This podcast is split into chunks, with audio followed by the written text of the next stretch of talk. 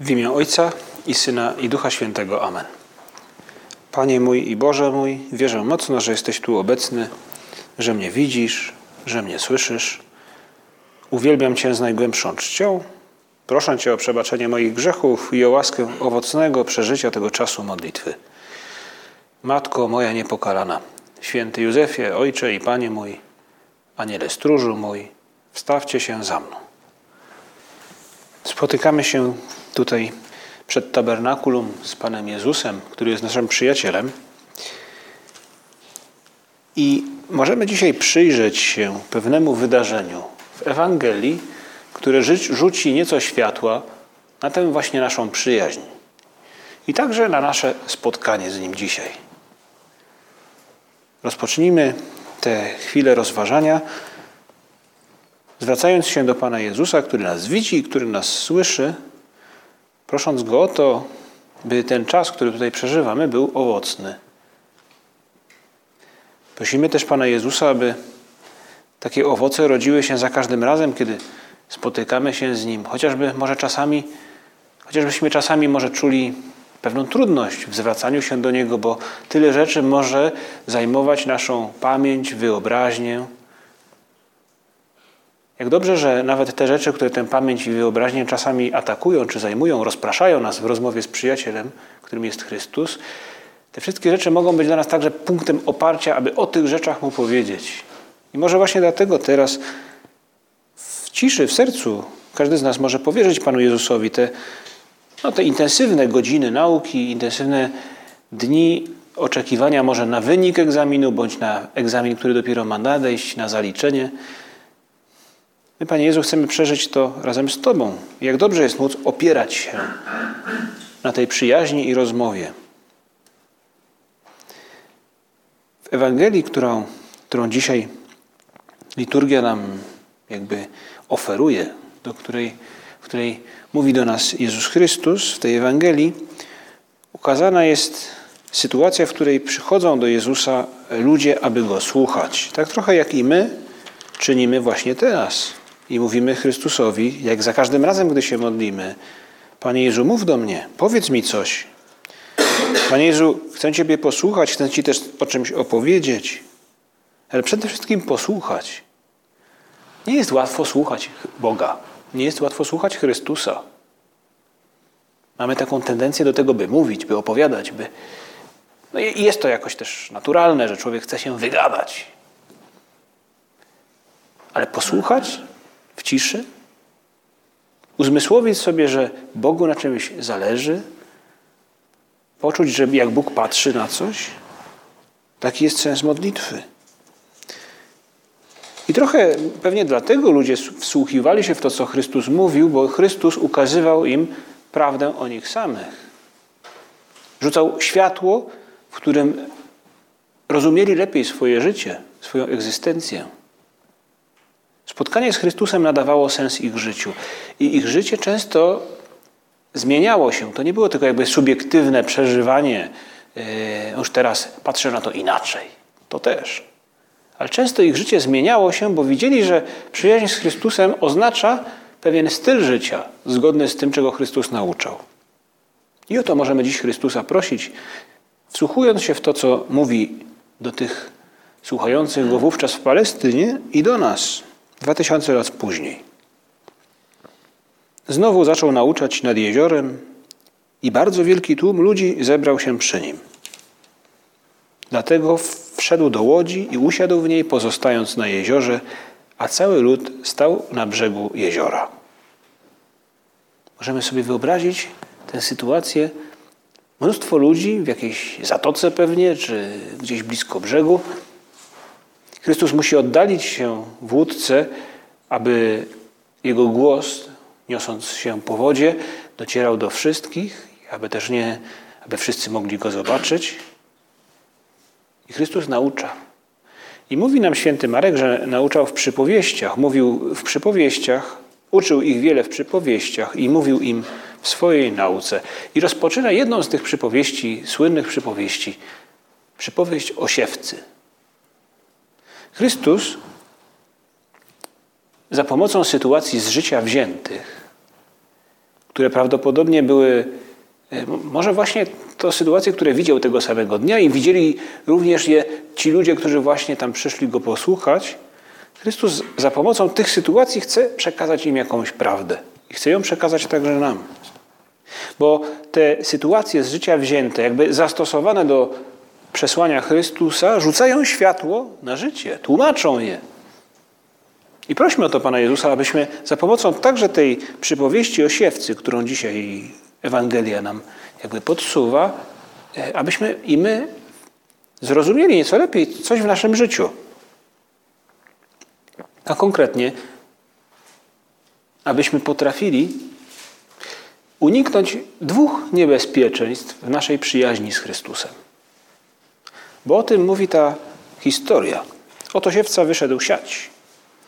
A gdy siał, jedno padło na drogę i przyleciały ptaki i wydziobały je.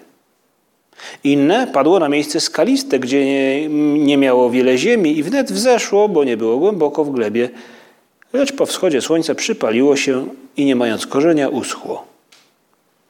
Inne znów padło między ciernie, a ciernie wybujały i zagłuszyły je, tak że nie wydało owocu. Inne w końcu padły na ziemię żyzną, wzeszły, wyrosły i wydały plon trzydziestokrotny, sześćdziesięciokrotny i stokrotny. I później na osobności Jezus Chrystus tłumaczy tę przypowieść apostołom, uczniom z dwunastu i ją tłumaczy. Można powiedzieć, że to jest też taka scena, która nas trochę pociesza. Można powiedzieć, że najbliżsi przyjaciele Chrystusa, filary Kościoła, ale jednak często nic nie rozumieli. Dlatego wówczas Chrystus tłumaczy im i mówi: Nie rozumiecie tej przypowieści? Jakże zrozumiecie inne przypowieści? I tłumaczy im, mówiąc w ten sposób: Siewca sieje słowo, a oto ci, ci oto są ci posiani na drodze, u nich sieje się słowo, a skoro je usłyszą, zaraz przychodzi szatan i porywa słowo zasiane w nich. Podobnie na miejscach skalistych posiani są ci, którzy, gdy usłyszą słowo, natychmiast przyjmują je z radością, lecz nie mają w sobie korzenia i są niestali. Są inni, którzy zasiani są między ciernie. To są ci, którzy słuchają wprawdzie słowa, lecz troski tego świata, uda, bogactwa i inne rządze wciskają się i zagłuszają słowo, także zostaje bezowocne. W końcu na ziemię żyzną zostali posiani ci, którzy słuchają słowa, przyjmują je i wydają owoc.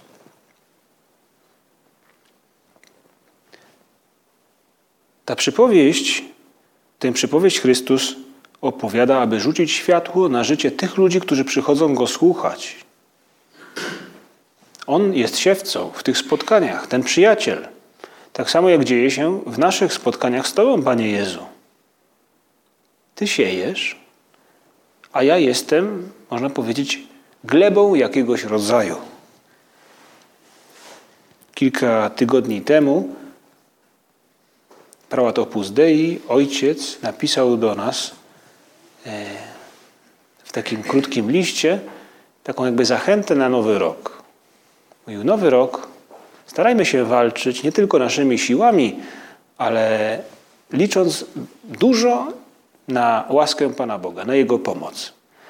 Ale aby ta łaska przyniosła w nas dobre owoce, starajmy się być jak najbardziej żyzną glebą, właśnie jakby odnosząc się do tej przypowieści o siewcy. I my możemy pomyśleć właśnie dziś, zapragnąć tego, Panie Jezu, chciałbym stać się taką żyzną glebą, aby moje spotkania z Tobą, te słowa, które do mnie kierujesz, także Twoja łaska, sprawiły, że, że faktycznie będę, będzie w moim życiu dużo tego owocu dobra, owocu pokoju, owocu piękna, owocu radości.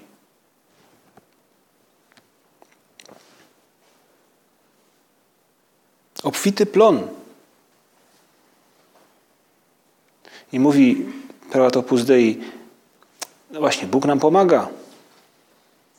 Starajmy się być żyzną ziemią, żeby Bóg, dając nam pewien dar, sprawił wówczas, że ten plon będzie obfity. I mówi, a Bóg daje nam ten dar, łaskę, swoją pomoc w Eucharystii. Panie Jezu, co mogę uczynić, aby ten dar, który w Eucharystii otrzymuję, który otrzymuję w modlitwie i w innych sakramentach także, nie tylko w, w Eucharystii, aby wydał plon obfity w mojej postawie. I są dwie postawy wśród tych, o których Chrystus mówi w tej przypowieści, które są takim realnym, rzeczywistym niebezpieczeństwem, czy pułapką trochę, na którą czasem możemy wpaść w naszej przyjaźni z Chrystusem. Taka przeszkoda. Z jednej strony płytki entuzjazm, a z drugiej strony jakby bycie wśród zagłuszaczy. Jestem pogrążony w zagłuszaczach różnego rodzaju, które nie sprawiają, że to, co Chrystus nawet zasieje, nie jest w stanie wzejść w mojej duszy. Płytki entuzjazm to jest historia w gruncie rzeczy także z Ewangelii tego tak zwanego bogatego młodzieńca. Facet rozentuzjazmowany, który przychodzi do Chrystusa, chce za nim podążać, ale widać, że ten entuzjazm szybko się wyczerpuje i gdy Chrystus prosi go o coś poważnego, ze wstydem jakby i z żalem też się wycofuje. Możemy pomyśleć, tak odnosząc to do, do siebie samych. Ile razy usłyszałem coś, co mnie poruszyło? Pomyślałem sobie, to jest ważne, to jest dobre. To Bóg w jakiś sposób mi daje do zrozumienia, że, żebym poszedł tą drogą. I może nawet zapaliliśmy się. Trochę tak jak, prawda, jak dzieci, które mówią, no, w Wielkim Poście nie będę jadł cukierków. Nigdy. Zero. No i są tacy, którzy wytrwają, są w stanie wytrwać w tym postanowieniu. Ale są tacy, może znamy to z własnego doświadczenia, którzy już następnego dnia mówią tak, ale dziś jest sytuacja wyjątkowa. Trudno. I właśnie entuzjazm pierwszego dnia już się wyczerpał. Może i my postępujemy czasem podobnie, Panie Jezu, odnośnie jakichś rzeczy, które Ty nam sugerujesz w rozmowie z Tobą, poprzez innych ludzi. Może te takie dobre natchnienia, które rodzą się w naszym sercu w ciągu dnia, albo, albo gdy po prostu się modlimy, gdy Cię przyjmujemy w Komunii Świętej i, i, i po prostu dziękujemy Ci za ten dar, i wówczas w naszej głowie, w naszej wyobraźni pojawia się jakaś dobra myśl. Zapalamy się, a być może już po wyjściu z kościoła o tym zapominamy, albo już nam się nie chce. Następnego dnia może dajemy za wygraną.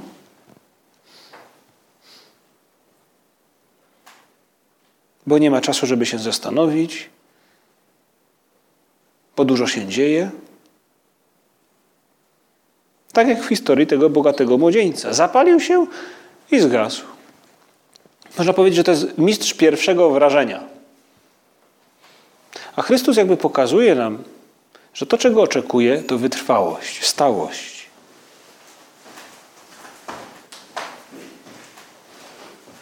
To trochę tak jak z dziećmi także które zapalają się, mają różne pasje i są w stanie przechodzić od jednej pasji do drugiej, nie kończąc z tego, co zaczęły. To tak jak właśnie w historii, nie wiem, wydaje mi się, że wielu z nas miało kiedyś w, swojej, w, swojej, w swoim dzieciństwie taką fazę na budowanie bazy bazy, bądź nie wiem, e, namiotu, szałasu, e, domku na drzewie, e, lepianki, to zależy jaki kto ma ogród i jakie są warunki powiedzmy budowlane wokół jego mieszkania czy domu, prawda? Ale przynajmniej gdzieś może na wakacjach albo będąc na plaży nad morzem, no typowa zabawa, prawda? Kto wykopie głębszy dół. I, i, I, nagle się okazuje, że w pewnym momencie mój dół już nie jest taki dobry, ale razem możemy wykopać inny dół. I tak stopniowo dzieci przesiadają się z jednego dołu do drugiego, kopiąc jedną dziurę obok drugiej. I faktycznie po prostu ten pierwszy entuzjazm dla mojej dziury w plaży już się skończył, zaczął się nowy. No I przeskakują, przeskakują, przeskakują.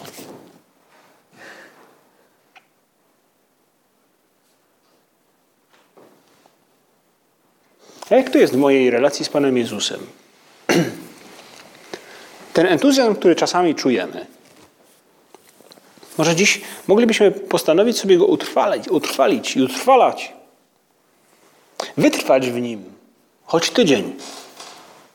Może mamy też takie doświadczenie, że czasami nam się to udało, prawda? I ileż dobra z tego wyniknęło. Ileż.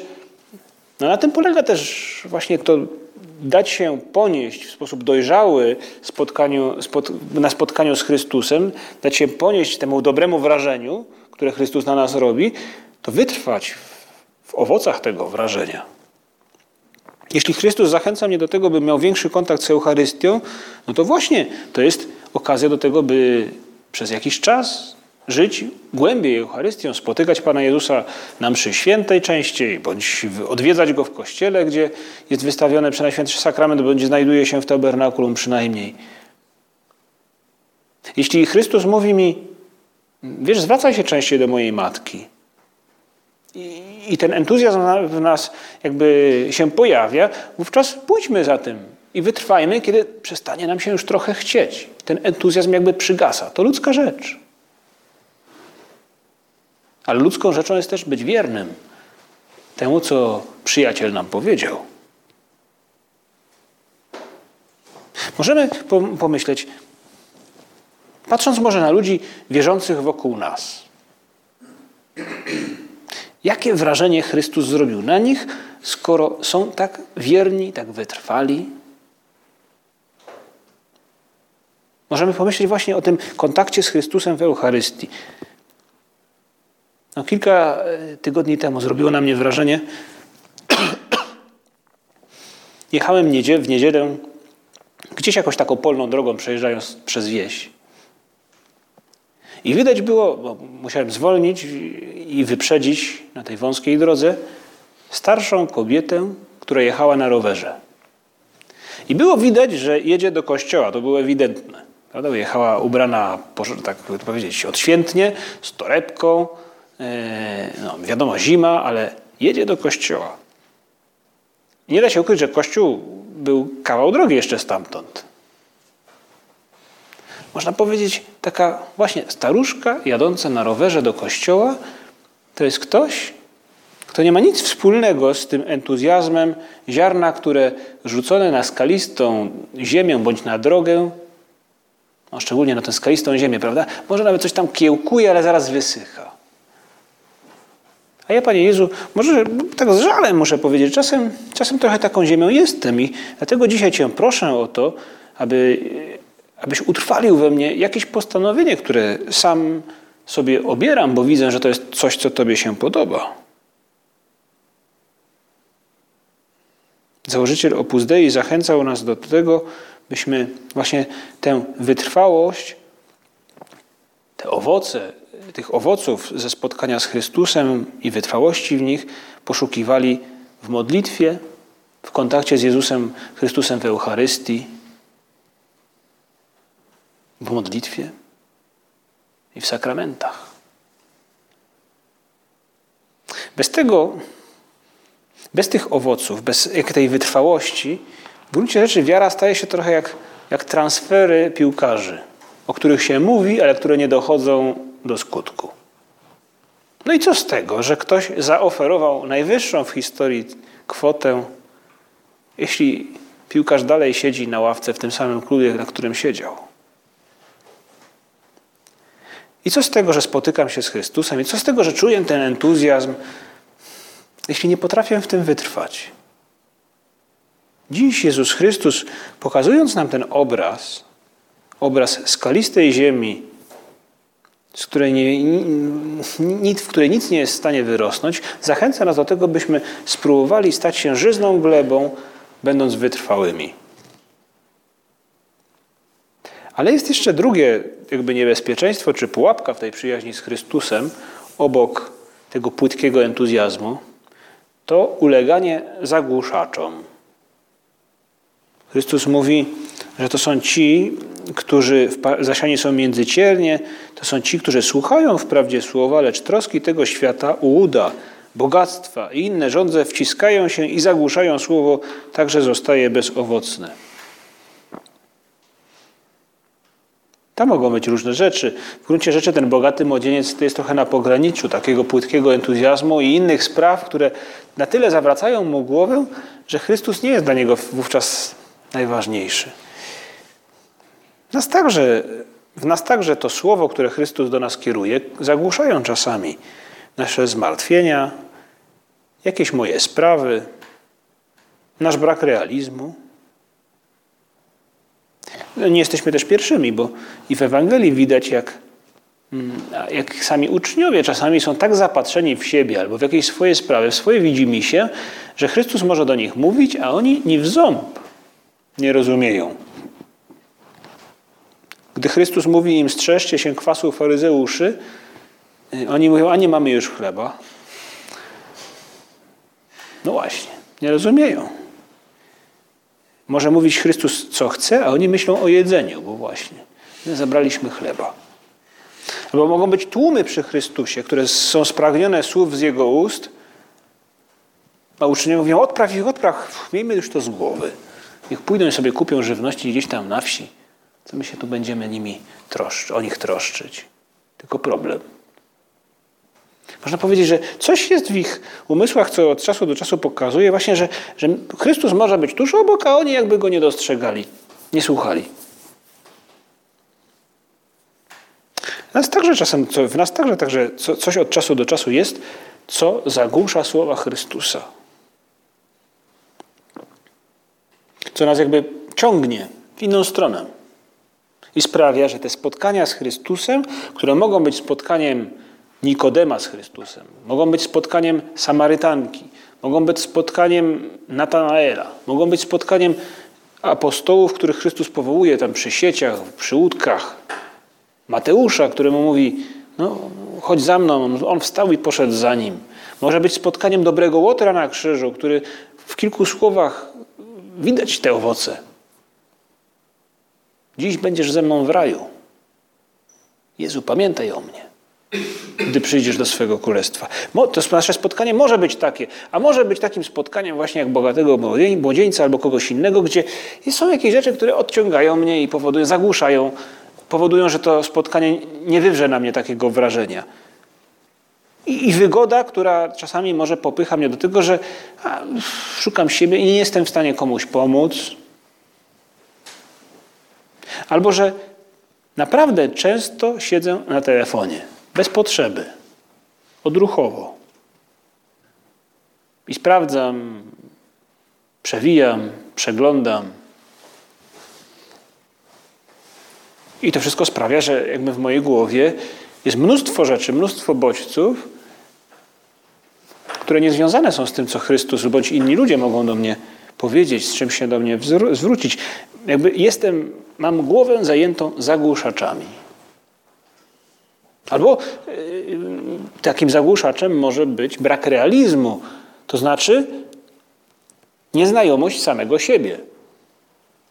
Albo bujanie w obłokach. Święty Josemaria nazywał to mistyką gdybania. Człowiek mówi, ach, powinienem zrobić coś dobrego, prawda? Powinienem zrobić, pomóc komuś, powinienem może częściej się uśmiechać, bo jestem takim zgredem trochę. I wiem, i ludzie mi to mówią, albo narzekam dużo. Powinienem.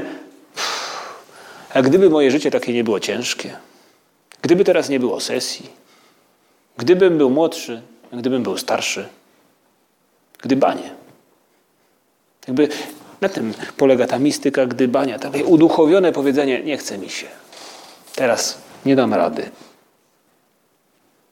Takim zagłuszaczem jest też odkładanie na potem, Takim zagłuszaczem jest też narzekanie i biadolenie.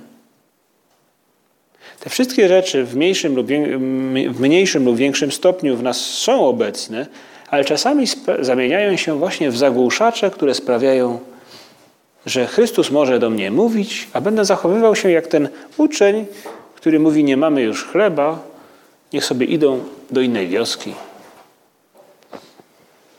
Dwa niebezpieczeństwa, dwie pułapki płytki entuzjazm i zagłuszacze.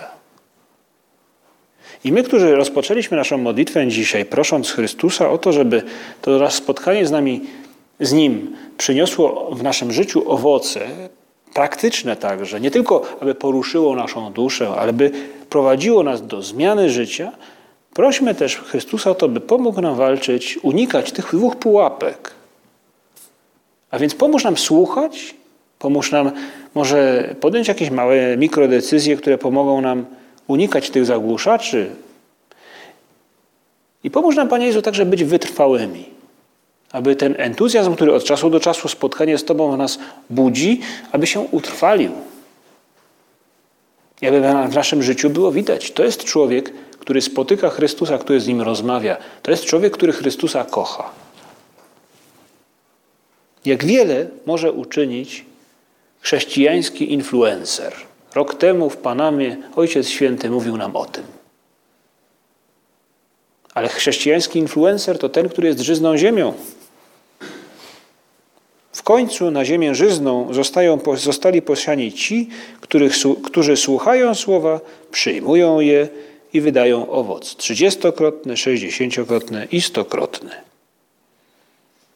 Maryja pomoże nam stać się takimi właśnie influencerami. Ona będzie jakby e, wspomagała w nas no, budowanie tej przyjaźni z Chrystusem, a także zachęcać nas będzie do wytrwałości i zwracać nam będzie uwagę, gdy coś tę uwagę będzie rozpraszać. Pomóż nam, Matko Nasza, uniknąć tych pułapek z przypowieści o siewcy, żebyśmy mogli przyjaźnić się głęboko z Twoim Synem i by ta przyjaźń dawała nam szczęście i poprzez nasze życie dawała też szczęście wielu innym ludziom. Dzięki Ci składam, Boże mój, za dobre postanowienia, uczucia i natchnienia, którymi obdarzyłeś mnie podczas tych rozważań. Proszę Cię o pomoc w ich urzeczywistnieniu. Matko moja niepokalana, święty Józefie, Ojcze i Panie mój, Aniele stróżu mój, wstawcie się za mną.